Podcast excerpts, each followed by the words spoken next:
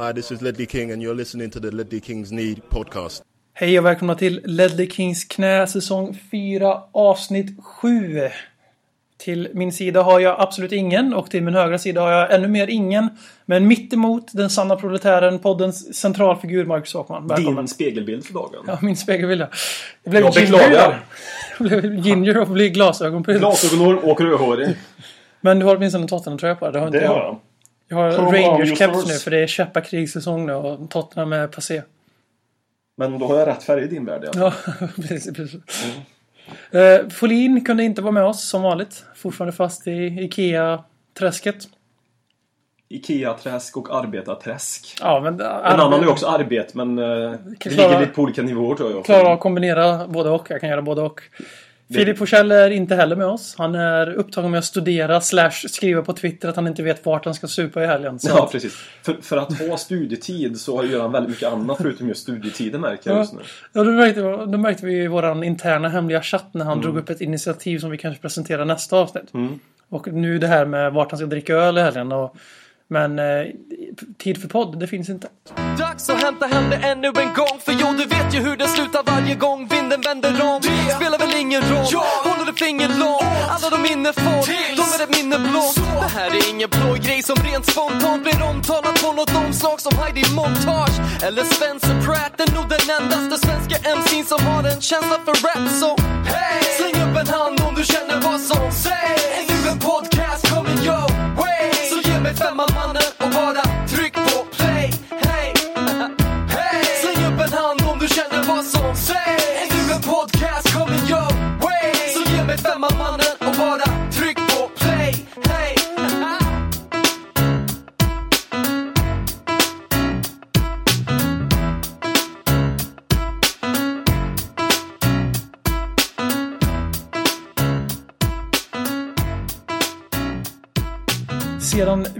vi synes sist så har, eh, om jag minns rätt nu, det var, känns ju som eh, tre år ungefär sedan det var avsnitt sist. Men det var nio dagar sedan Tottenham hade match, kom vi fram till. Ungefär.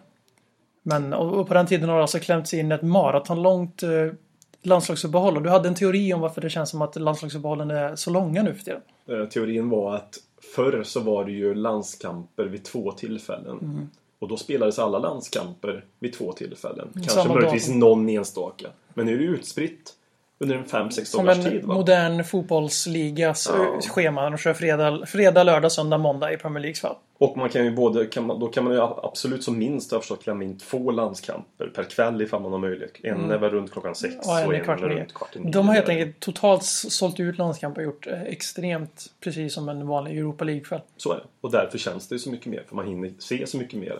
Alltså eventuellt om Och man har framförallt möjlighet. så sprids det ju ut nu när i vårat fall då Sverige är så nära playoff. Eller hamnar i playoff. Och i mitt fall att Irland också hamnar där. Mm. Att det blir att alla matcher, det finns så många matcher som har vikt för ens egna nations Mm. framtidschanser eller vad man ska säga. Och då blir det så att det blir en tyngre rapportering. För till exempel så mycket som det skrivs om EM-kvalet nu om andra länder än Sverige. Mm. Är ju helt, har jag aldrig stött på tidigare i alla fall.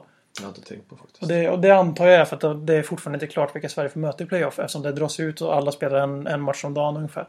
Säkerligen så. Och sen vill man skriva positiva saker så kanske man vänder sig till andra länder. Jag vet inte. Ja, Eller så gör man en extremt stor grej av att Gudetti var en av de bättre på planen första halvlek mot Moldavien hemma. Man of the match, Antonsson säger jag. Ja. Alltid Antonsson. Men eh, vi kan ju komma rakt på sak här och säga att eh, Tottenham numera, nu, numär, Tottenham numera är den engelska klubb som har producerat flest engelska landslagsmän i och med Dele Alis genombrott. Han står nu alltså på två A-lagskamper och fyra Premier League-matcher. Det blir spännande att se vart, vilka kommer upp till 10 först. Den här ration kan ju bli väldigt... eh, Ja, det kan ju bli en ny eh, landslagsrekord här för England för att fortsätta den här takten. Och Harry Kane ligger bra till med fyra mål på sex matcher. För han skrev Ja. på Twitter att han fick det där som först var hans mål, sen blev självmål. Sen hävdade han att det blev hans igen. Och då, Ja, det då blev hans igen alltså. Mm, enligt han på Twitter, han hade hört någonting om det. Han hade hört från en person, men all, 20 stycken hade sagt någonting annat, men han hörde från någon. Ja, jo, men det är mål, målskytt, det är viktigt att få målen. Det är Det är synd att han gör, att han det är att han gör mer mål för, lika många mål för Swansea och för England. Och mer mål för Mm. England än vad han gör för Spurs. Ja, lite så just nu i alla fall. Men eh, ja, det är bra att han gör mål i alla fall. Eh, Men eh, hur många sekunder av Englands eh, 10 av 10 kval såg du? Ja, 10 sekunder kanske. Det var Vinesen på Delalis eh, tunnlar igår eller? För det, det var, så nej, det var, inte vad jag, det var jag sett. Det var jag sett av. Englands kampanj om våra pojkar. Ja, nej, det, det, men det är intressant, eh, Dele Allis. Man går från League One, man gör fyra bra matcher i Premier League Ja. och så gör man landskamper direkt. Det var ju en liten hobbyteori om att... Ja, det, men det har vi sett. Det, har, det här har vi sett förut med Tottenham-spelare Man vill faktiskt. se att det har gått så här fort. Om man Nej, nej, det här är på en helt, One det här är på en helt ny jävla nivå. Men visst, och han är, han, kom, han, han är på en annan nivå än vad vi är vana att se spelare komma. han är nog den största talangen vi har sett i Tottenham på längre än vad vi tror.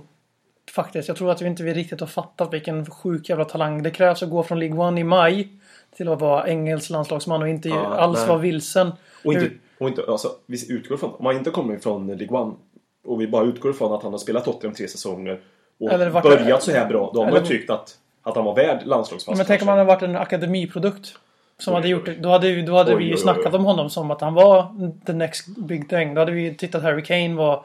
Vem då? Ja, vem då ungefär? Typ, nu kommer han ju...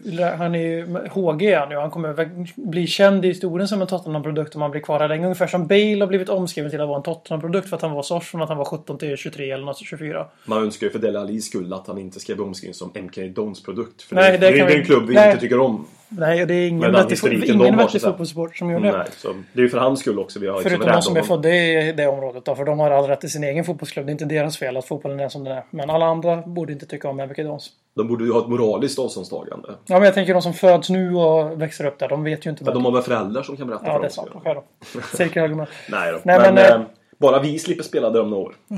Så Men det är ju det... Nej, det, det, det vad fan. Wembley va? Det blev Wembley ja. Men det, Nej, det, det, vet inte var det Det. Det var ett rykte. Skitsamma. Det kommer märkas vart vi spelar fotboll. Det är inte det vi skulle prata om nu men det blev så. Ja. Men Delali leder oss ju in på MK Don som leder oss in på vart. Så det var faktiskt en ganska... Ja. För att vara Ledley Kings knä så var det en jävligt rimlig En röd tråd. röd tråd. Det slutar med att vi pratar om egentligen Doms Men jag tycker, vi, jag tycker vi ska börja säga gul, vi ska börja säga vita tråden. För Bosse Johansson i Olof Lunds podcast sa hela tiden gula tråden. eller Konsekvent när han pratar om Elfsborg. Så vi ska säga vita tråden istället Mm. för röda tråden.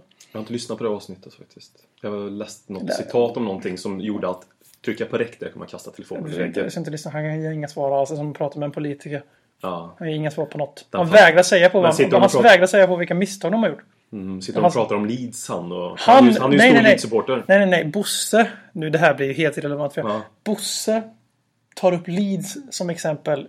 Eller Flyers som de delar lag både NHL och i fotboll. Mm. Och Han tar upp dem som exempel konstant när Lund blir lite kritisk och raljant. Eller han, då blir Bosse raljant och börjar ta upp Leeds och uh, Philly som mjuknande exempel för att Olof ska liksom tappa tråden och bara vi är ju bröder liksom. Det var ganska upp, ut, uppenbart det var ganska tröttsamt att lyssna på. Men jag De- diskade så jag De är ju verkligen. Leeds båda två. Riktigt också, har jag förstått. Skitsak samma. En som inte är Leeds, eh, en, som, en sak som inte är Leeds är bäst på är att producera engelska landslagsmän.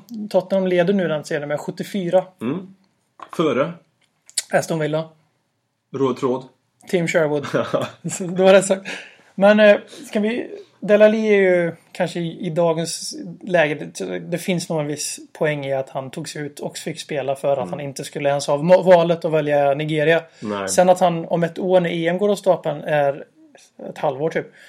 Eh, förmodligen har en re- re- reell chans att vara med i truppen om han fortsätter åtminstone till 75% så som han har börjat. Absolut. Det köper jag rakt av. Sen att efter fyra Premier League-matcher gå rakt in i, i en EM-trupp. Nu hade England ingenting att spela för, men det, ska inte, det spelar ingen roll, det är inte poängen.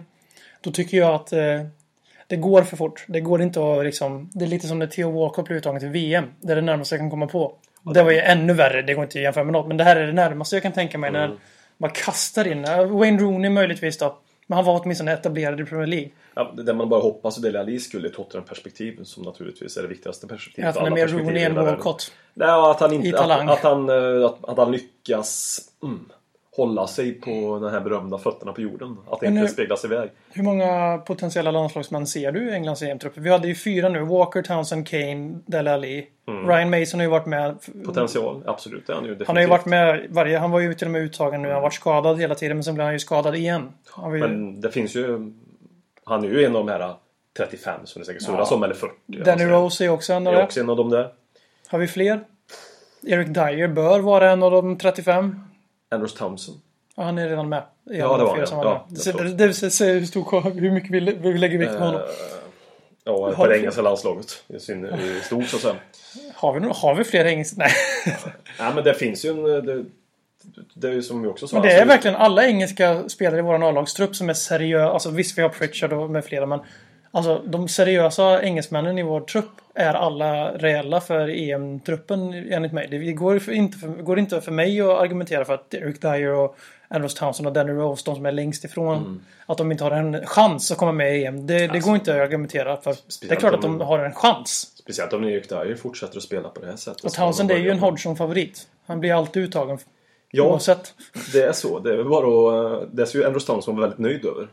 Så det är inte helt omöjligt att vi sitter där med sju landslagsmän i Englands och Englands EM-trupp. Jag tycker verkligen inte att det är helt att det är omöjligt. Då kan, kan vi säga att, då, att vi har chans att vinna ett eh, Att, EM. ja, då kan vi, om West Ham kan vinna VM 66 så kan Mm. ju Tottenham vinna EM 2016.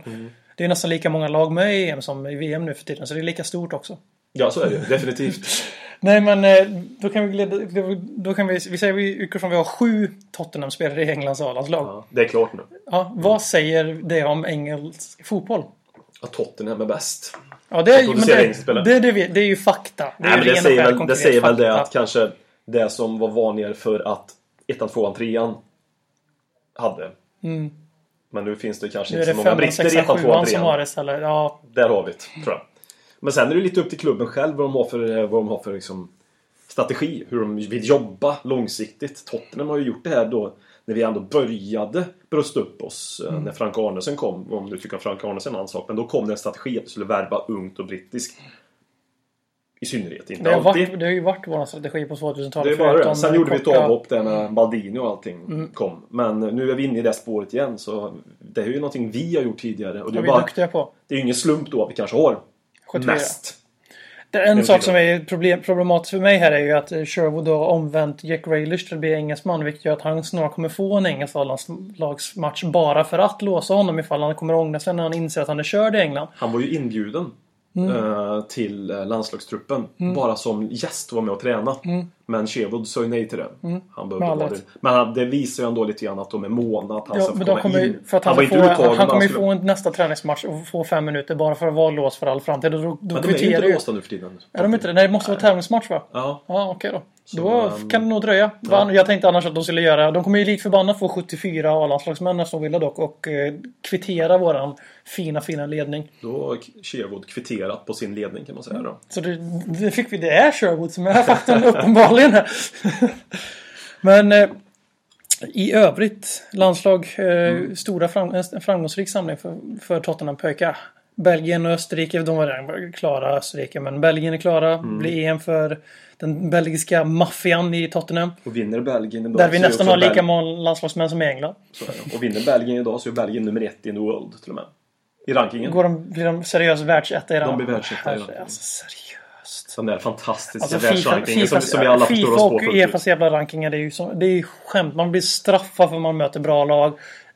Grupper som Nordirlands EM. Alltså det är, jag finner fan inga ord. Att Wales, var ligger Wales nu? På 10 vet jag att de Ja. ligger. I världen. Wales.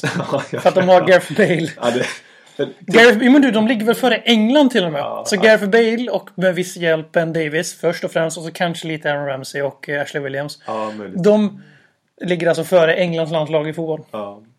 Det, um, Det är stabilt det. Ja, den är ganska konstig. Ja, Vart ligger Island då? kom- 12 eller? Lagerbäck ligger 12 Ja, Lagerbäck ligger 12 Island 30. mm. ja, det, är- fan, det är lite intressant faktiskt. Men eh, hur... Hur, my- eh, hur mycket tror du att landslags... Vad tror du? eh, Pochettino, Pochettino är ofta ute och svingar mot Hodgson som har haft en jävla tendens att ha bråttom med Tottenham-spelare. Vi såg det med Kane. Vi såg det med Ryan Mason. Vi såg det med Andros Townsend. Vi såg det med eh, framförallt Dele Alli. Och där tycker jag väl att det är väl svårt att säga emot. För tre av fyra, ni får välja själv vilka tre, kommer vara landslagsmän i många, många år för England och göra många landskamper. Det är jag väldigt övertygad om. Men det här jävla fast tracket och Pochettino ut och svingar hela tiden. Tror vi att eh, Hodgson hade gjort samma sak med talanger från eh, från Manchester United och Liverpool och sånt som de köper in från andra lag. För de producerar ju fan inga egna nu för tiden. Men Nej, nej, det är väl en fotbollshierarki. Helt enkelt. För jag, känner, jag tänker bara, jag kan bara minnas alla duster Ferguson och Wenger hade med Svennis och efterföljare. Och det var ju otänkbart. Det, är liksom där, det är ju fortfarande väldigt vanligt att Liverpool-spelare framförallt drar någon låtsasskada precis innan landslagssamlingar. Vi pratade ju om U21-EM till exempel. Mm, det blev Eh, låtsasskada på Sterling och allt vad fan det Ja, var. det var många som de här etablerade som- som helt Mm. I alla lag förutom i. Tottenham då. Ja, där var vi alla tillgängliga. Och istället fick vi Pritchard skadad till efter nyår tack vare en tackling mot Sverige var det va? Mm. Och en trött Harry Kane. Ja, Fast om han är så jävla trött för 3-9. Jag, jag Nej, köper jag fan inte den jag var ironisk, Ja, men jag, jag jag vill bara ändå säga att jag köper Ja, inte den jävla ursäkten alltså. Det, Det den, är tre 90 minuters matcher. Du överlever pojken. den, den ursäkten är ju till för att Han är skapa lugn kring Harry Ja, Kane. och han förtjänar den ursäkten och det är faktiskt en ursäkt som Pochettino landsatte före säsongen. Och det är jättebra att det funkar för att han är engelsman. För han kör bara den. Det är bara för att Mm. Ja, släppa ja, lite det, press. Precis.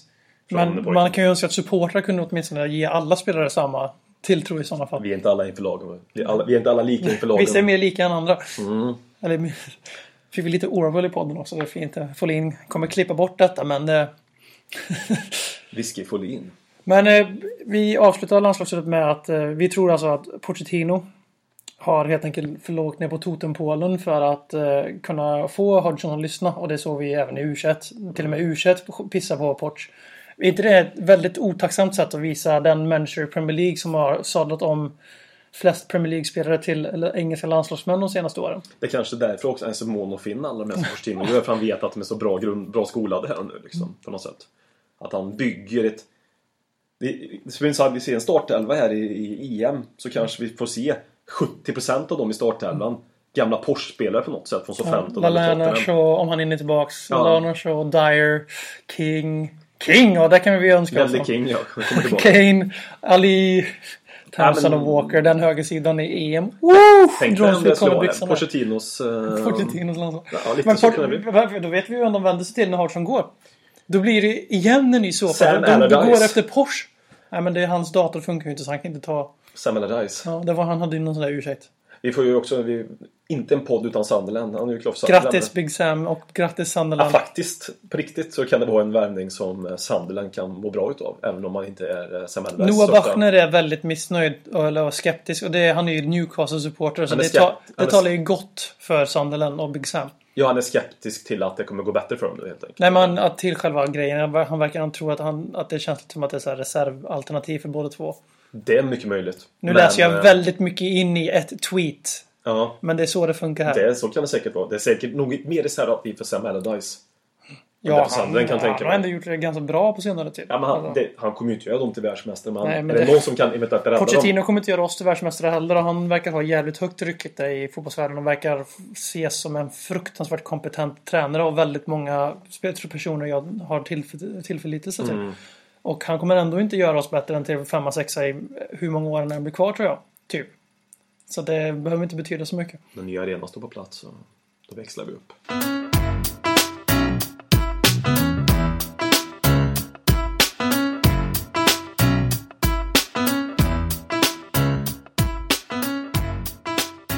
På lördag den någonting oktober spelar Tottenham mot Liverpool som nu mer tränas av Jürgen överskattad öldrickare Klopp. Eh, Klopptastic from the Klopp end. Och titeln är väl klar. Kloppalicious. Ja, de vinner väl titeln nästa år. I år blir det bara Champions League. Jag tror de vinner redan i år. Det verkar ju så. Sociala medier och allting. Ja, de, allting om, är- om de lyckas värva Lewandowski, Royce, Gundogan och Hummels i januari, vilket eh, engelska medier på fullaste allvar har skrivit att Liverpool tittar på möjligheten att värva Lewandowski och Royce. Ja, de tittar säkert. Ja, de kan ju titta på Fifa då ungefär. För det är enda stället i verkligheten de kan värva Lewandowski från Bayern München när han är en av världens tre bästa fotbollsspelare just nu. Det var ungefär som när man gick i högstadiet och tittade efter de snyggaste tjejerna. Mm, och bara, ja, den där tian, ska jag, Ja. jag ska inte ha bytt fjärde här men... Det är ungefär, ungefär, ja, men det är ungefär lika Men det är lite realistiskt. som det var då för mig att Eller, göra när- den eller när grejen man, som eller när man var ung och samlade på fotbollströjor och fick nöja sig med torgtröjorna för 150 spänn. För inte fan hade man råd att köpa en fotbollströja för 749 kronor som de nu kostar nu för tiden. Ja, vi är ju arbetarklassen. Ja, alltså det är lite så. Liverpool är arbetarklass och de jagar efter Moderaternas eh, varor. Ja, Det känns som vi skulle avsluta segmentet. Jag behöver inte säga mer än så. tack för att ni lyssnade. Nej, men vi kan, före vi börjar frossa i klopp, eh, klopps, kloppsliga puns Vi är Så- inte etta på bollen direkt heller när vi Nej. pratar om Klopp och Liverpool. Har Nej. det nämnts förut någonting? Nej, det är verkligen absolut inte. Nej. Har det stått någonting? Nej, nej, nej, absolut. Absolut inte. Vem är Klopp? Jag vet. Jag vet att han eh, vann Bundesliga två år i rad med Dortmund. Mm. Och tog den till Champions League-final ett år där han uttalat sa att vi sagt, siktar på Champions League och sket i ligan. Gav ligan till Bayern München, så kanske Bayern München hade tagit den ändå. Men de gav den till dem basically och satsade in sig allt på Champions League. Går till final, torskar i en tight match. Och där och då så blev Bayern München så skitnödiga så de bestämde sig för att köpa sönder Dortmund direkt. Ja. Och sen efter det så har han visat sig vara högst, högst normal som fotbollstränare. Men han har en gedigen karriär. Alltså, det, går inte att snacka bort Nej, det Klopp. här... Nu skämtar vi lite. Och det här Ja, vi raljerar som fan. Han är en Men riktigt bra... Det är absolut. det absolut bästa tränare de... Alltså, De de kan inte få här. en bättre tränare än Jürgen Sen, Klopp. sen är det ju ingen garanti att det kommer lyckas. Klart inte. Ja. Det går ju liksom inte, men det, man kan ju aldrig köpa sig en garanti i livet. Men, Nej, eh, men Vias Boas hade vunnit en trippel med Porto Mm. och eh, fått kicken för tidigt i Chelsea. Och det- Tottenham som vi var då kan inte få jättemycket bättre tränare ryktesmässigt. Blev ingen succé direkt. Men sen är det ju här med Klopp. Jag tror alltså, får han sitt spel att passa är det ett spel som också... Gegenpressing. Som, alltså som passar tysk fotboll, engelsk fotboll. Det ser inte, Ganska likt. Ganska likt ja. Och det är enklare då som att komma från eh, den skolan och komma in i England tror jag kanske få det att funka. Och sen är han ju en byggare också. Och det är där Och det behöver de en byggare. Men, Men nu det är där inte jag, ja, nu hoppar jag över här, helt, helt till nästa. Fortsätt du istället så kan vi ta med ska, han ska ju, nu ska han ju bygga upp det här laget som inte han har värvat en enda spelare till. Nu finns det ju Nej. 45 000 spelare att välja på som de har köpt antar jag en jävla massa. Kallar han Balotelli från lån. Ja, Lazar Markovic säkert också. Mm. Balotelli. Det är klart. Alltså, Tror du på den? nej, men han har varit bra i Milan dock. Jo, jo. Det, men, Men, vissa så, eh, så, här, viktigt, så, här, som vi, som Det krävs vi, mycket springning för att han ska spela i Han kommer aldrig spela i gegenpressing, det fattar vi. det. Men alltså, att eh, det, Balotelli är bara ytterligare ett bevis på att man är inte slut som varken tränare eller fotbollsspelare bara för att man inte lyckas i Premier League. Nej. Och jag hoppas att Klopp blir motsatsen. Att han floppar i Premier League. Trots att han, jag hoppas att han blir en till av de här. Att han blir en till Jättegärna. AVB och en till Balotelli och en till Markovic. En till Soldado, Paulinho, you name it. Alla som kommer från andra ligor och länder och floppar i Premier League och ändå är... Okej, Paulinho, vad fan skämtar jag? Eller, han är bara dålig på fotboll överlag. Men Klopp, jag hoppas att han blir en av dem. Att han kommer, kommer till Premier League, svärtar sitt namn lite, sticker tillbaka till Tyskland, tar över Bayern München och så slipper vi oroa oss över Liverpool igen. Ta över Mainz igen. Ja, det vore vackert. Men det, det jag tänker på det är ju Sir, Sir Alex Ferguson uttalat, uttalat sig. Alltså, att han var orolig.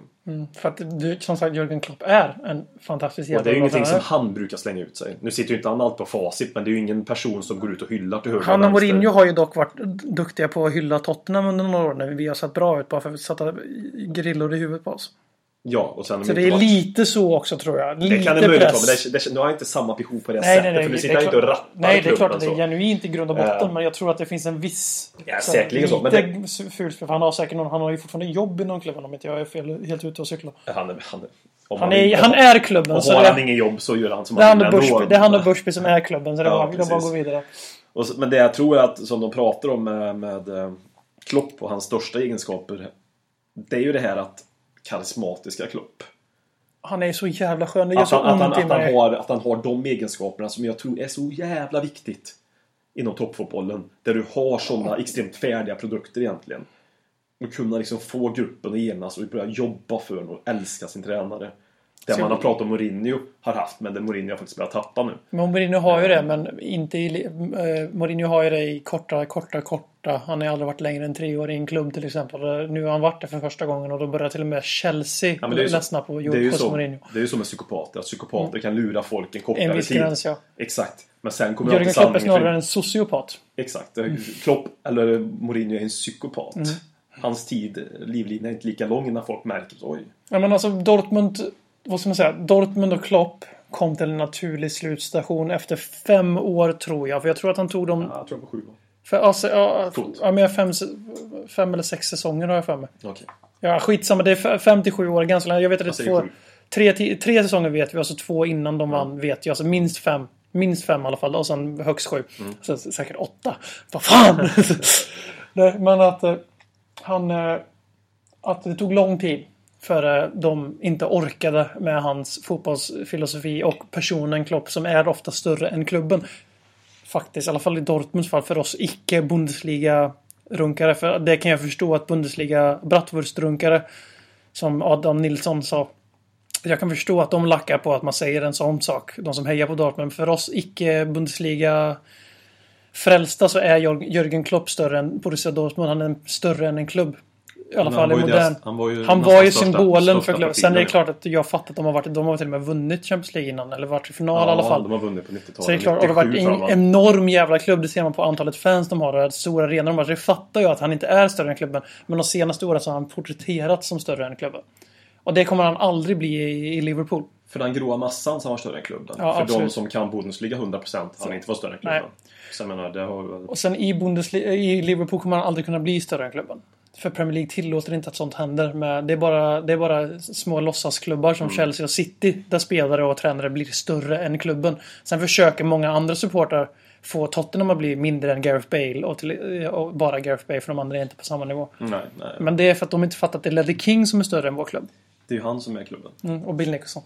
Ja, naturligtvis. Men här i modern... Det är också en anledning till att inte lyssna på Bo Johanssons podcasten. Han sa att Dave McKay var hans hatspelare. Så jag bara... Bara stänga av. Um, Okej. Bosse Johansson har jag inte gillat tidigare som klubbdirektör. Mm, så nu hans- nu är- Efter hans dravel om bengaler hit och dit på, på De Borås Arena. Men nu... Ja. Nej, men... Det finns ju ett steg man inte ska ta. Börja kritisera de fina spelarna då 60-61 och runt där omkring. Det McKay ska man ju inte kritisera. Hatspelare. Ja. Nej, men... Jag eh, tror nog att Bosse Johansson har mer hat mot sig än vad Dave McKay har haft. Mm, det tror jag med. Men eh, vad tror vi? Alltså, Klopp kommer aldrig ses som större än Liverpool. Det tror jag kommer passa honom som handsken i hand, handen i handsken. Jag tror att spelarna kommer inte ha några som helst problem att se upp, alltså se honom som en, alltså, han kommer inte ha några problem att vinna omklädningsrummet. Nej, verkligen. Om man säger så. Han har redan vunnit. Ja, för han är, för, om du, vart rankar du honom nu? Det här är ju extremt. Men alltså, om du, vart rankar du honom i Premier League som bästa tränare? Om du skiter i att han aldrig har tränat en match i Premier Nej, League. okej. Nej, men... Vilka är bättre? Vilka är bättre? På rak arm, vilka är bättre? På rak arm. Du ser hur jag Ja, köper, det köper mig fan. tid. Det, Nej. det, det finns ingen på rak arm. Nej, inte här och nu. Men det finns ju några där liksom... Ja, nej, vet fan. Nej. Nej men det finns, alltså för det, alltså det är Ja, fan... men det finns ju ingen riktig tränare som sticker ut tack vare... Hade Mourinho, alltså, hade Wenger, Mourinho Wenger, ska fortsatt... ju, Wenger ska ju nämnas. Alltså Ja. 19 år och Hade hålla... inte vi hållit på Tottenham så... Hade vi, men han ska nämnas. Ja. Sen så, jag tycker inte det personligen, men det ska nämnas. Jag tror snarare Ja, han håller jo. ner Arsenal, men skitsamma. Nej, det tycker de flesta Arsenal-supportrar också. Jag tycker Wenger är det bästa som har hänt i den klubben. Och ni är otacksamma, historielösa jävlar. Mm. Det är ni oavsett, men... Volvic. Uh, Klopp ja. Men det finns, hade Mourinho fortsatt... Mourinho är ju en större tränare än Klopp. Ja, men vill jag peka in, alltså, men inte i dagsläget. Mycket, ja, alltså man lever så mycket för stunden även vi så att säga. Så har Mm. Mourinho åkt ner jävligt många ackhål så att säga. Mm. Eh, nej men Klopp, han är ju absolut där omkring. Men det, det jag vill bara säga väldigt mycket Liverpool, men det, bara säga att risken med, största risken och faran som jag tror att han har Klopp när han kommer till Liverpool. Förväntningarna. Ja, förväntningarna, men det jag tänker på en annan sak, det är att snabb eh, lokal jämförelse som kanske fler känner till, eh, bara snabbt. Färjestad Hockey värvar inom familjen som de kallar det. Har du spelat i Färjestad så har du alltid en tjänst och de har sån jävla makt. Lite så känns det med Liverpool med deras som, de som bestämmer vilka som ska köpa in via Rush. Och- panelmedlem Forsell ställer sig till det här liknelsen med sitt älskade Färjestad. Han har ni tänkt, har- det, det, vi måste svartmåla dem en gång till. Vi avbryter det mitt i. Mm. När vi mötte Monaco så satt Forsell och live-tweetade om Färjestads jävla Champions Hockey Mm. League-matcher. där. Ja, ja, ja, okej. till. Champions Hockey League före Ja. Europa League. Really bra? Ja. Okej, fortsätt. Uh, nej, men jag tror att det kan bli Tinder för honom. Att det är för många ex-Liverpoolare som har ganska stor makt inom klubben. Som Dalglish och Rush och de här. Nu kanske någon Liverpool-supporter mot all förmodan som vill lyssna på detta. Som kan korrigera Det mig. finns ett par. Det finns ett par. Ja, ja, men alltså på riktigt korrigera mig ifall det inte är så riktigt. Men det, det kan jag tänka mig kan bli Tinder. Ifall de inte men vill släppa kontrollen som de, och den här makten som de känner inom klubben. Att, att det kan bli Tinder för dem. Transferkommittén och så vidare. Jag tror... Ja, men, ja, precis. Transferkommittén och andra saker. Jag, jag vet ju inte riktigt. Det känns som Liverpool är byggt på lite samma sätt. Att de har väldigt många starka gamla de, de är spelare. byggda som den här baseballklubben som deras ägare äger. Fenway Boston. Red Sox. Ja. ja. De, de har den. De kommer aldrig rucka på den. Det, det skrevs i media om att Klopp vann striden. De fick sina två riktiga... För Klopp är väldigt mycket karisma. karisma. Han är extremt duktig. Han har en fotbollsfilosofi. Ja. Det säger jag inte emot. Men han har också... Han, bara har, han kallar sina assistenter för hjärnan och för ögonen. Så hans assistenter är fruktansvärt viktiga för honom. Mm, att de ens motarbetade det precis som AVB lärde sig den hårda vägen, att om man inte får sin stab med sig, som Pochettino fick, rakt av. Får man inte sin stab med sig då lever man på en kort tid. Måste man strida för den när man är Jürgen fucking Klopp och kommer till Liverpool som Mm. Ja. är... Om, om Tottenham nu är ett mittenlag som en viss Jamie Carragher hasplade ut sig när han sa att eh, Liverpool också är det. Trots att vi kommer före dem i hur många år som helst. Så uppenbarligen så är man en mittenlag om man inte kommer topp fyra varje år. Mm, ja, det, Då är vi alltså ett hö- högre mittenlag än Liverpool. Och då kommer. Jürgen Klopp kommer till det mittemellan mittenlaget Liverpool. Mm. Som snittar att komma på sjätte plats de här 6-7 åren som vi har kommit fyra eller femma. Mm. Så har de en andra plats som räddar upp dem och så har de också en åttonde plats som väger ner det. Ja. Om Jürgen Klopp då måste slåss för att få med sig sina assistenter och sen också måste bråka med transferkommittén. Det säger allt om vilken självbild den här klubben fortfarande har och att det här amerikanska systemet har lite för hög tilltro till sig själv mot vad... För fotbollen är fortfarande väldigt, väldigt eh, eh, konservativ och traditionell i den här meningen. jag funkar det. Alltså, och baseball är ju bara uppe på statistik. Ja, ja. Allt all, statistik. nästan till all onamerikansk sport Ja, är det statistik. de har statistik Faktiskt precis allt. allting där. Allt de statistik på. Riktigt så är det ju inte i fotbollen. Det finns mycket, mycket statistik i fotbollen. Ja, det Det börjar ju har en- växa också men det har aldrig varit Ja, en lika det är inte- integral del som det är. Men det har det ju alltid varit i historien också. De, allting är byggt på statistik. Ja, men det, det i här. fotbollen är ju Midtjylland och Brentford är jättestor snackis nu de senaste Ja. för att de är uppbyggt efter just Moneyball och baseballstruktur. Mm. Det Och det är, en jättestor, Brentford. sna- ja, det är en jättestor snackis. Jävla Men data de- som bestämmer. ja. Ja. men nu ska han få gå här. Men de är först. Nej, Det är de enda två klubbarna som verkligen kör så. Så det säger det- en del om att fotbollen inte riktigt där än. Men och det, tack och gode gud. Och Ja, hoppas vi faktiskt. aldrig kommer dit. För det Nej, är... Fan, i hockey har de olika typer av räddningsprocent. Vanligt så här hur många skott du räddar per mål. Och så vanlig, och sen, sen har de något som heter justerad räddningsprocent. Där de räknar ut antal, alltså svåra och lätta skott du har räddat och allt vad som fan bedömas heter. och svårt Jag att har ingen aning. Det är, jag orkar inte sätta mig in det. Nej, det. Jag det använder, jag använder bara den siffran som gör min favoritmålvakt se bra ut. Så att jag kan använda det som Twitter-argument. Så funkar all statistik för mig. Att man använder man väljer den subjektiva siffran som stöder ens tes. Ja. Ta Slänger bort- den i ansiktet på någonting, skiter i Ta allting bort de tio andra statistik som, inte visar eh, där du vill Ja, men det var ju som i fjol, det var ju som i fjol som jag raljerade om i podden. Det var någon som kastade i mitt ansikte bara. Han snackade skit med en av mina NHL-adepter och jag sa har du ens sett matcherna? Och han svarade "Vad- vilken översittare du är. Måste, man behöver inte se matcher för att kunna... Och jag bara skämtar du eller? Ja, det, Behöver inte se matcher för att göra. Bara, det är en värld vi inte vill gå till. Nej, verkligen inte. Och jag tror inte Klopp vill gå till den världen heller. Han känns analog, Klopp. På det sättet. Mm. Och då är det så att, att han redan får ta de här striderna. För- Ger för mig lite hopp om att det ska sk- sk- skita sig för honom i Liverpool. Ja, vi är lite, då är vi inne på lite samma linje. Mm. Alltså, du är inne på amerikanska spår, jag är inne på klubblegenderna Liverpool som, stå- som jag upplever som har makt inom klubben. För vi det- båda två tycker ju att Liverpool ska ge fullt mandat till Jürgen Klopp och inte ens lägga sig i någonting. För här, han är en av de bäst, bästa tränarna på Ja, men 2000-talet. Överlag tycker jag det ofta som tränare. Sen ska vi kanske ha lite sådär smått. Men det är alltså tränaren ska ha Tränaren ska vara etta. Ja, eller hur? Inom- jag, inom den nu, nu, sportavdelningen. nu, nu, nu, nu, jag läser några artiklar om det här. Mm. Det är inte alls, alltså det kan mycket väl vara så att han är en manager som, alltså som, som det har varit. Ja. Men varför skulle alltså... Ja. Brendan Rodgers var ju väldigt tydligt bakom... News of the World brukar ju inte ljuga säger du. Nej, precis. Eh, Brendan Rodgers var ju väldigt tydligt bakom den här transferkommittén. Så var det ju. Men sen fick han, för han ville väl ha vissa de här Ashley Williams och... Han men han ville ju ha bara Vad var det mer för spelare han fick? Som han inte fick. Men Ja, med, eh, vi kan, vi, på nästa ämne i frågan. Med eh, Rodgers eh, avsked så är alltså den Premier League-tränare. Jag tror att det kan ha varit... Nej, men vi, jag tänker inte räkna Eddie Howe på det sättet. För han har bara gjort ett par veckor, ett par veckor i Premier League. Han är alltså den, förutom Arsene Wenger, som har suttit på sin plats längre i Premier League. För att ligga trea i hela engelska fotbollssystemet som manager. Alltså Då- antalet dagar i sträck på alltså League 1, League 2, Championship, Premier League. Antar jag. Football men det, League. Nej, de är Ja, bara det är inte någon... tydliggöra så Ja. att säga. Mm. Det måste vi bli bättre på i podden. För jag lyssnar på andra sportpoddar och de tydliggör allt jävla möjligt alltså. Vi tror ju att det är bara de nördaste, men nördarna som lyssnar här också naturligtvis. Men eh, den, som ligger, den som ligger trea. För Aston Wenger med 19 är, och Paul Tisdale i Exeter City på 9, 9 år på posten är anormaliteter. Är extrema, extrema anormaliteter. Trea i hela engelska ligasystemet är Carl, Rob, Carl Robinson i MK Don som har varit där sedan de grundades 10 maj 2010. Nästan så. Nästintill. där, fick jag, där fick jag till det fint. Den Men- Alice... Eh, Sen i Premier League då har vi alltså Eddie Howe. Och det här sätter jag en asterisk på för han har inte tränat Premier League så länge. Det är inte alls säkerligen stor sannolikhet att han hade tränat Bournemouth i tre år om de hade varit i Premier League alla de åren. Det är Eddie Howe, det är hans andra session. Den som ligger trea i Premier League är alltså Mark Hughes. Han har suttit två år och, 30, och två, två år och 136 dagar. Han blir anställd den 30 maj 2013. Han är alltså den som är efter Ansar Wenger för Eddie Howe Ja. skärs bort på grund Vi, av... vi säger att Mark Hughes, nummer två. Han är nummer två på longest serving manager. Han har suttit i två år. Två, Två år och 100 dagar. Han är inne på tredje säsongen helt enkelt. Det betyder Marcus. att Pochettino, om han hade stannat i Southampton tills nu, hade varit med och slagit som andra platsen. Ja. Nu ligger han typ 10, 7 någonting i Premier League i Tottenham-epoken så att säga. Eh, I, I samma veva med här, Det här är ju den nya dynastin då har vi. Mourinhos return.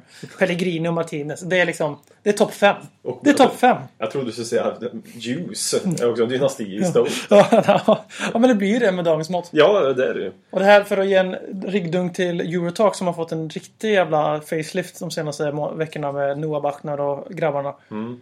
Eh, Vi måste ju namedroppa Noah eftersom vi made him. Så vi namedroppar honom varje gör podcast. Tills Det gör han, tills han namedroppar oss i Eurotalk så vi får en miljon följare på Vi, Twitter. vi gör det 10 10 Shoutout till Christian Borell. Ja, Han är på Arsenal så jag vet inte om jag vill ta tillbaka det. det tar vi tillbaka. Och Martin, Åslund, och. Martin Åslund spelar i AIK så det vill inte du heller.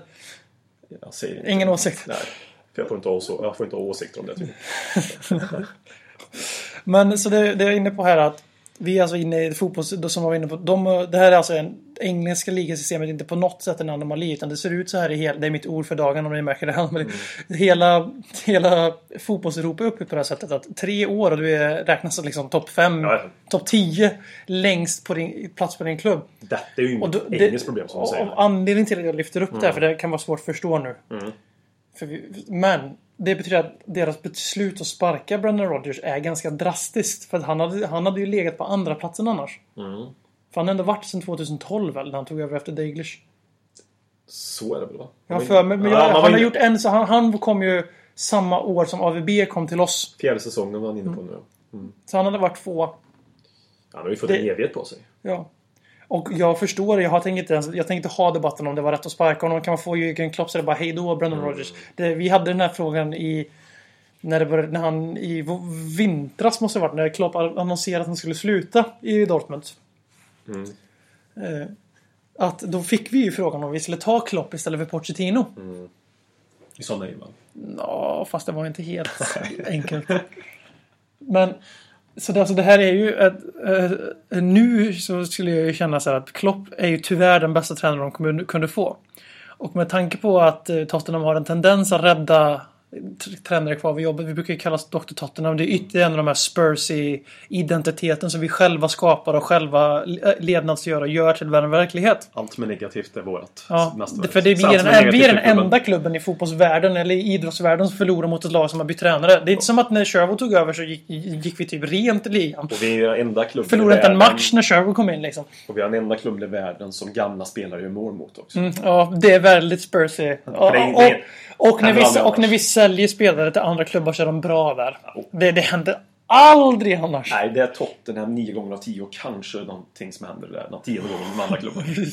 Precis. Nej, men, så det, och, men nu måste till och med jag som hatar den här självuppfyllande profetian Spursy. Måste till och med säga att nu börjar det bli lite svettigt här. Liverpool har sett sådär ut, får vi vara snälla och säga. De ligger med i topp, toppstriden, det gör vi med. De har eh, poundat oss flera möten i rad. Det är 5-0, det är 3-0, det är 4-1 och allt vad fan det har blivit. Det har varit jobbiga matcher. Ja. Och det är Jürgen Klopp och den hypen och den optimism. Det är Daniel Sturridge tillbaks. Det är Danny Ings som ser riktigt vass ut. Filip Coutinho som är en av Premier Leagues bästa spelare. Producerar lika mycket poäng som Erik Lamela som alla vet är en av världens bästa spelare. Ju, Den blonda Messi som... Det är ju konsensus nu på Twitter också. Ja, Porch kallade honom för den blonda Messi. Gjorde han det Porsche? Det måste ju vara fel översättning. Det är fel, Nej, på, alltså, så, det är fel på så många plan. Nej, nej, nej, men alltså han menar inte att det var den blonda Messi utan att, han hade, att Lamela hade kallats blonda Messi från att han liksom kom fram. Jo, men han, han hade väl ett Messi, nästa Messi-grej på sig. Lamela. Jo, jo, han var nästan... Det var det. Inte att Porsche själv tyckte att han nej, var. nej. Eh, Det- Men uh, Dr. Tottenham, det kanske blir sant för en gångs skull. Det är lite den känslan jag får. Vad tror du om matchen nu då? Nu har vi pratat nog om Liverpool och managers och... Ja. Eh, nej, men eh, nej, att jag tror ju att vi har... eh, Det som oroar mig är eh, Erik Dyers frånvaro mer än att Klopp är där faktiskt. Vi fick ju en fråga om det på Twitter. Du kan svara på frågan medan Ja. jag letar upp vem som har ställt den. Och det är vem som ska ersätta Dyer. Och det är Ja. Ed- Edvin Björkvall som har frågat det. Eh, alltså, det är ju det här, alltså. Problemet är ju med... Alltså, det har varit lättare att ersätta Dele Ali om man hade spelat på den positionen. För att Dyer har ju en sån tydlig defensiv roll. Klipp bort det där sen. Nej, jag bara skojar. Fortsätt. Åsiktscensur får inte säga något negativt Dele Ali. Nej, men han, han har varit lättare att ersätta ur balans. Han är min gud. Ja, det är han mångas gud. Eh, Han har varit lättare att ersätta till exempel med balans och det där. Så jag, jag vet inte. Ja, för vi har bara, det du försöker säga, vi har bara en defensiv mittfältare. Ja, vi har bara ett ankare. Ja, alltså som Bentaleb som kan spela där bäst utav de övriga. han fit? Nej, det är det jag menar. Mason är... är också frågetecken och Ja. Dembele, Dembele är ju tillbaks. Ja, men är det... Han är väl åtminstone, han är fan den, om han bara får en ren och skär defensiv roll, då är han det närmaste vi kan komma enligt mig. Ja, och någon måste göra det. Vi, vi måste spela. Vi måste ta in en spelare som ska spela som Erik Dyer. Ja, det måste Försöka, vi. Han är det har- extremt... Hans roll... Erik Dyer säger, tänker jag inte än slå fast att han är jätteviktig. Klart att han är det, men jag tänker inte säga att det är bara enbart honom, utan det kan vara att han har en ganska tacksam roll. Det vet vi inte, för vi har inte testat någon annan. Det får vi göra nu på lördag. Ja, samtidigt har han varit jävligt Jo, jag vet, jag vet, men Ja. måste... ja. Det, det kan man Jag skulle, jag skulle rangordna På folk och folk. Tottenhams viktigaste, viktigaste spelare den här säsongen.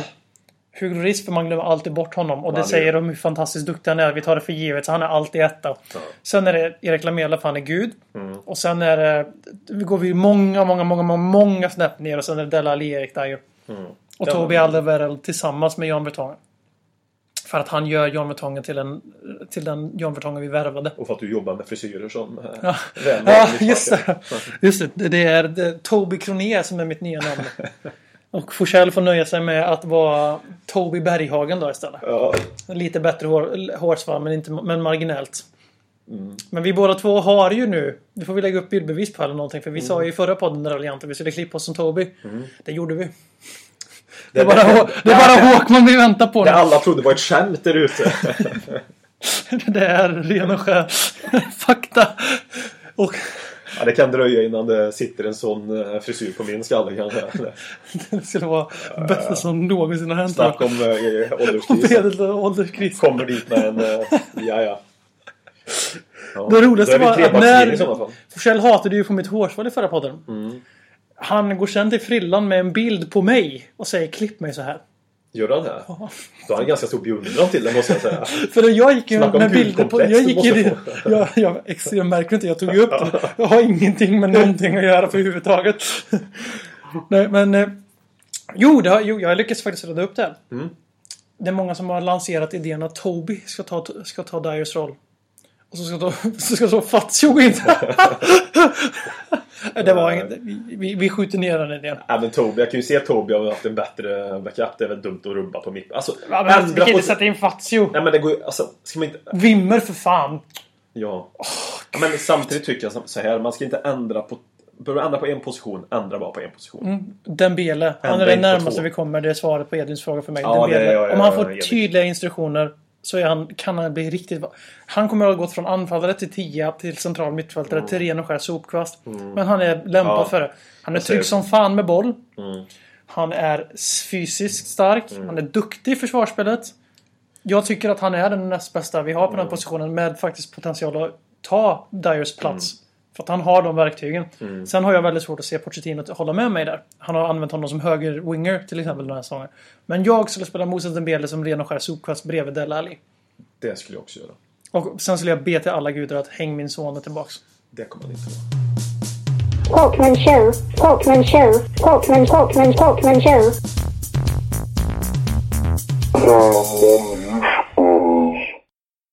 Från 8 lag till 16 till 24. EM är, känns väldigt urvattnat numera.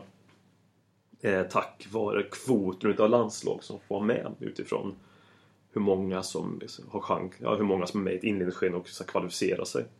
Eh, jag förstod ökningen från 8 till 16 för att Europakartan ritades om. Men från gå 16 till 24 har gjort sommarens kommande EM-slutspel i mina ögon lite urvattnat.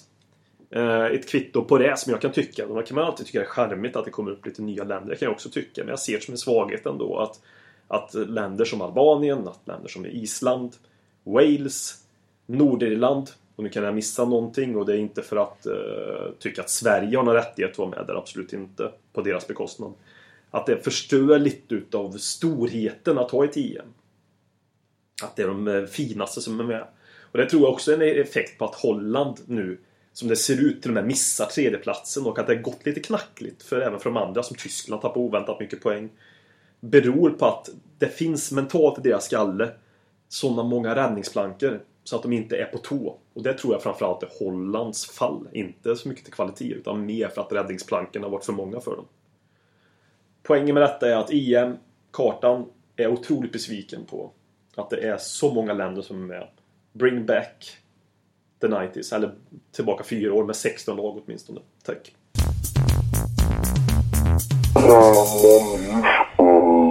slutar veckan med det helt nya segmentet BM vs Walkman där vi tvingar en av oss att vara emot någonting på era frågor. Och den andra för då givetvis. Och vi, frågorna är inte helt anpassade efter det men vi kör på det här och så för att det ska bli lite roligare. Och vi börjar med Niklas Främström och Simon Finnes fråga som jag slår ihop till en där Simon Finne pratar om hur trötta vi är på att läsa LFC Runk i media. Och Flempa undrar, äh, har, läs, har ledsnat på media bias mot Spurs. Eller är det bara Spurs-fans som är butthurt? Vi knyter ihop de två frågorna så får du välja om du är för eh, Tottenham bias, om du tycker att det finns eller om du är emot det. Och så, så svarar jag bara på det du säger. Okej, okay, jag kan vara eh, emot. Du är emot uh, att, att, det, det finns. en media bias? Ja. Vilken media pratar han om till att börja med? Ja, brittisk media säger brittisk media. Det blir ja. lite svårt annars. Ja. Nej, bara angolisk. Media... Ja, angol. Ja, jag kan ju börja med att säga att jag, jag, jag håller med Flemström. Jag är framförallt... Du gör det på riktigt också? Jag gör det på riktigt. Mm. Bör tilläggas. Att eh, jag håller med honom att det finns en viss media bias. Att det finns en, någon acceptans att Tottenham är den här mittemellan-tinget mellan storklubb och mittenklubb eh, i media. Och att den här Spurs-identiteten som vi själva skapar och får skylla oss själva för att den påverkar hur media ser på klubben.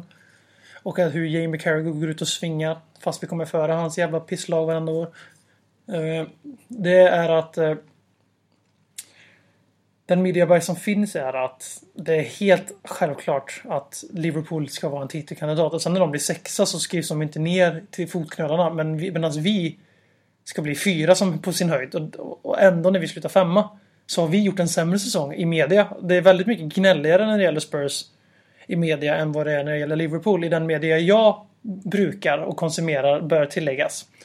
Så jag försökte sno ett av dina argument redan på förhand där. Att det är bara för att du läser bara det. Liverpools, Liverpool Echo kanske är jättekritiska. Jag vet att Anders Bengtsson i Offsides podcast är jätte, jättekritisk. Mot Red Rodgers. Redham Rodgers, vad fan är det för något? Ett fotbollslag i typ någon League. Men eh, så jag tycker att det finns en viss media bias. Men att eh, samtidigt att den är ganska självförvållad. Mm. Och jag tycker ju inte att vi gör det då. Nej. Det här tycker Håkman på riktigt? Uh, ja, ja, men till viss del kan jag tycka det. Men alltså, och varför var det ingen som tog bengalfrågan i det här? Och kul på kul ja, det hade varit. Så hade jag varit den som eh, pratade emot bengalfrågan. Givetvis. och den blivande läraren hade varit i storstadsområde förmodligen hade varit för bengaler. Ja. Jätte... Jag hade ju också varit för bara tidigare. Nej men alltså grejen är att jag... jag är lite tröttare också. Um, Liverpool, att de, att de blir gullade med i media. Ja, inte så värst mycket media kan jag uppleva att de blir. Det har ju varit väldigt mycket kritisk i de medier jag läser. Nu spelar jag också ut det här kortet. Eh, att eh, det har varit en kritik mot hur de hanterar transferbudget och transferdelen. Sen kan man ju tycka, om man backar bandet med Tottenham. Jag vill bara säga att, att det har gullats väldigt mycket med Tottenham under Harry Redknapps tid. Så gullade det sig extremt mycket med Tottenham och när det gick bra i Champions League och hur fantastisk fotboll vi spelade och hur underhållande det var att se Tottenham. Det var bara att se på Viasat sändningar på den tiden hur de bara håsade fram kärlek till Tottenham. Nu är det precis tvärtom bör tilläggas. Nu är de extremt kritiska istället. Nästan gnälliga. Inte här och nu! Det har också slagit över lite grann men, när ni är med, det, alltså, jag, håller med, jag håller med dig i sak om just det med Viasat. Men, för jag ser inte men göra det som, när som en expert nej, som jag lyssnar på. För, för ja. guds men när ni var med då gör de en för överdriven grej av att han ska vara kritisk mot Tottenham ja, inte... Jo, han tar ju på sig den rollen också till viss del. Vilket är lite tråkigt för det, alla vet att han är på Tottenham. Han blir ju en symbol för det här att vi är så väldigt själv, självförnekande. Och själv, vi, alltså, vi är emot, vi är emot, ja vi är extrema jävla martyrer. Vilket den här frågan, min... Och det är alla supportrar lag är martyrer.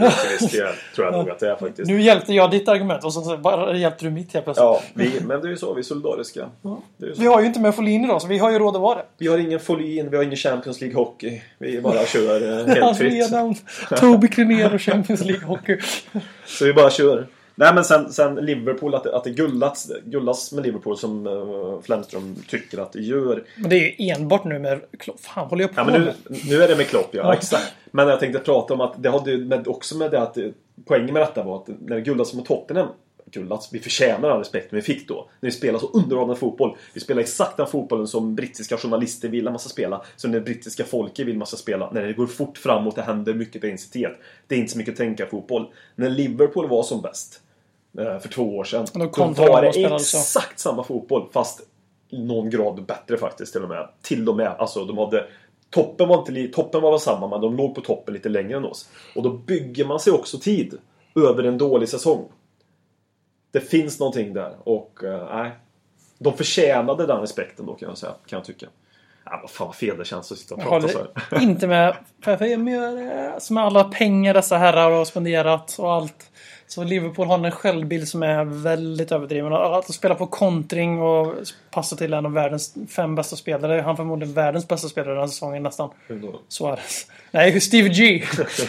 Eh, så, så precis som vi levde mycket på Bale så levde de fruktansvärt mycket på Gerard, Sturridge och Suarez. Framförallt Suarez. Extremt mycket framförallt Men Suarez. vilket lag i världen lever inte på Nej men det håller, jag med, det håller jag med om. Men det är att jag tycker att eh, det blev väl något överskriven. För det, det påminner väl i och för sig om den säsongen när vi utmanade ända fram till matchen på Etihad Stadium. Men jag tycker att de har en självbild som... För det är lite det Simon var inne väldigt mycket på. Att vi ligger ju, Tottenham ligger ju faktiskt över Liverpool. Men Ja. ändå så ses vi som en betydligt mindre klubb. Och histori historiskt sett så är det ju faktiskt så. Det går inte att komma ifrån. Vi har, vi har också en stor, väldigt stor klubb historiskt. Men vi har Ja, inga ja. 18 ligatitlar. Alltså, jämför med Liverpool historiskt sett så är vi verkligen Ja, för Liverpool är en gigant. De är nog en Englands största klubb Jämför historiskt. oss med... Alltså historiskt, historiskt är nog de Englands största klubb. Men så är det ju. Så är det. Men United, är United går ju om dem för de har ju varit... De, om ett decennium eller två så är ju United Englands största klubb. Ja, och de flesta väl- anser nog att de är det redan idag. Men vi tänker lite längre än 90-talet i den här podden. Även om Vi, hälften av podden är eh, född på 90-talet. Vi gör ju det. Och det är vi är tacksamma för naturligtvis. Nej, men de har ju en historia. Men däremot så vill jag ha, lyfta modern tid. Om man skulle börja historieskrivning från, ja, fan mig 2005 och framåt så är vi en större klubb än Liverpool. Möjligtvis att de har större intäkter för att de har eh, större varumärken men det vet fan om de har så jävla mycket större varumärken än oss längre. I modern, för, menar, företag tror jag inte låter sig luras av gammal nostalgi. Kolla Prioritet Finans i, i Sverige som bara Blåvitt krävde för mycket. De bara nej, ni kan glömma att ni ska få ett historiebaserat sponsorkontrakt. Ni ska få ett kontrakt baserat på era prestationer. Blåvitt är med och slåss om titeln och tagit cuptiteln så det var ju jobbigt för Prioritet Finans. Men det är det jag menar, alltså, jag tror att det är samma sak på Liverpool. Att de säljer sig själva som att de är fortfarande asstora. Men jag tror inte de är det. För de har Warrior som sponsor. De har inte, de har inte Adidas eller Nike. Under Armour är större än Warrior. Jag tittar på Uniteds eh, avtal. Det visar ju att de fortfarande är... Mm. Ja, och det, ja, med all rätt. De har haft en säsong utan Jo, Champions League. alltså bara för att vi pratade om jämförelsen, eller du tog upp jämförelsen Liverpool, Manchester United. Så idag, men det jag menar... Idag, ja, från, precis. från 2003, 2004, 2005 framåt så tycker jag att vi är minst lika stora som Liverpool. Det tycker jag också. Ja, du måste vara emot nu. Ja, så, så är det du får inte, om du Äh, inte game väger in... over. Äh, Jag ger upp. Jag gör ont i min själ att sitta och argumentera. Jag bara tycker spontant att det finns... Alltså överlag så är supportrar jävligt gnälliga och martyrer. Det är det. Och man ser oftast... eh, Från sitt eget försvar. Som jag inledde, inledde med våran raljanta diskussion med att göra. För jag insåg ju halvvägs in att jag sitter ju bara... Jag har ju inte läst Liverpool Media. De kanske är Men- men det- exakt Det är likadana. ju som vi brukar säga att vi Tottenham-supportrar är gnälliga. Men det är ju för att vi lever i Tottenham-supportbubblan. Hade vi levt i Liverpool-supportbubblan, tack gode gud för inte det. Så hade vi nog tyckt att fan vad vi gnäller, vi Liverpool-supportrar. Men det är så här, tips extra generationen gör att vi svenskar har en tendens att tro att, England, att, att eh, Liverpool är så jävla mycket större än Tottenham, men när de inte är det. Där kan vi avsluta. Fuck Liverpool. Ja. Eh, vi har några... Oj, hade Per nitat mig om han var... Shoutout till Ät Frikebrant. Nej men eh, vi har några andra frågor här som är extremt viktiga. Först och främst, eh, Niklas Främström kräver att vi ska reda ut BM, alltså mitt betriangeldrama med Robbie Keane och Justin Bieber som gick uppdagades här i dagarna. Det här är svårt att vara för och emot någonting men vi kan vara för och emot Robbie Keens bror. Alltså Justin Bieber kallar Robbie Keane my brother på Twitter. Bieber kallar Och För att Ja, Robbie du- Keane hade skickat ett videoklipp till Justin Bieber så han har alltså tillgång till hans mobilnummer. Men du vet det här att kalla någon för bror betyder ju Jo, inte jo, det. nej, nej, nej, nej, nej. Men att Justin Bieber som är typ 12 och miljardär. Ja. Eh, hänger med 35-åriga Robbie Keane. Som är också rätt så rik och är i Los Angeles. Men någon av oss måste vara för att Robbie Keane fortfarande är en värdig idol tack vare, trots hans vänskap med Justin Bieber. Någon av oss måste vara emot att han är en värdig idol Alltså, på grund av hans eh, Ja. vän, tä- nära, nära, täta vänskap med Justin Bieber. Jag har jävligt svårt att motivera mig för. Jag kan vara för. Jag kan säga så här. Snarare är väl, snarare är väl större. Han blir väl en större man att han ser förbi alla fördomar och hån mot denna pop, pop, eh, tonårspopstjärna Justin Bieber. Att han kan se förbi det och vara en mentor i hans liv. Att han inte alls gör det för hans fame och för att, som när han gick på fotboll, när han gick på basket med David Beckham och skrev David Beckham är en unknown man. När Robbie Keane var LA Galaxys bästa spelare och MLS bästa spelare och fortfarande är mer eller mindre. Ja, just det, just det, just det. Det var lite roligt faktiskt. Ja. Så där och då var ju Robbie Keane bättre på fotboll än David Beckham, vilket är ganska roligt. Det är Robert Keens finest hour också på något sätt tycker jag. Och det här är ju inte alls ett fortsatt, en fortsättning på hans sätt att försöka höja sin stjärnstatus i, i Los Angeles. Det, utan den här local lad från Dublin tar in Justin Bieber, den kanadensaren, under sina armar. Försöker fostra honom till en man som ska komma bort från alla de här tonårspop-klichéerna och försöker rädda honom från ett liv i droger och misär. Och nu ska jag argumentera för... För motsatsen att, att, han, ska, att han, han kan inte vara idol för att han... Det borde ju bara räcka att säga att Robbie Keane borde ha viktigare saker att spendera tiden, sin lediga tid med än att försöka rädda en förlorad själ som Justin Bieber är. Eh, Jag har lite dålig koll på Justin Bieber men... Om han hade varit 19-årig tjej och han var popstjärna och Robbie Keane hängde med honom. Vad, vad, hur, hade, vad, hur hade världen reagerat då? Eh, ja du, det var jobbigt för Robbie Keane i alla fall. Mm. Men jag alltså, tror inte vi behöver säga så Jag vill, mycket. jag vill bara fastna inte i debattläge. Det här när han, Justin Bieber skrev bror till Robbie Keane. Svarade Robbie Keane på detta? Det vet jag inte. Jag, det, Det är ju intressant. Jag fick en jävla... Han hade ju skickat en video från det irländska landslaget firade seger mot Tyskland. Till Justin Bieber? Ja. Jaha, då var det ett initiativ. Ja, ja, ja. Robbie Keane skickade på alltså privat till Justin Bieber som i sin tur offentligt la ut det på sin Twitter. Jag trodde det var eh, fake. Då Jag gick in alltså på Justin Keane Biebers som- Twitter för första och enda gången i mitt liv. Och det var ta mig fan sant. Oj, oj, oj. Så mannen som gjorde så att jag blev Tottenham-supporter indirekt. Han är alltså Justin Biebers homie. Ja, och det är samma man till varför du lyssnar på Justin Bieber här och nu också. Ja, precis. Ja, ja, jag är så principiell så jag fortsätter lyssna. Jag kommer börja lyssna Du kommer på börja Justin lyssna. Bieber nu. Det, Robbie Keane, så det blir lite Simon Says Ja. med Robbie Keane istället. Precis, Kino says. Mm. Det var ju tur jag inte följde med till Liverpool. Då hade jag ju suttit hela podden nu och argumenterat för Liverpool i 40 minuter istället för emot som jag har gjort nu. Har vi pratat så mycket om Liverpool någon gång? Det känns... Nej, verkligen inte. Alltså, Robbie Keane-idolskapet bara genomsyrar hela det här avsnittet.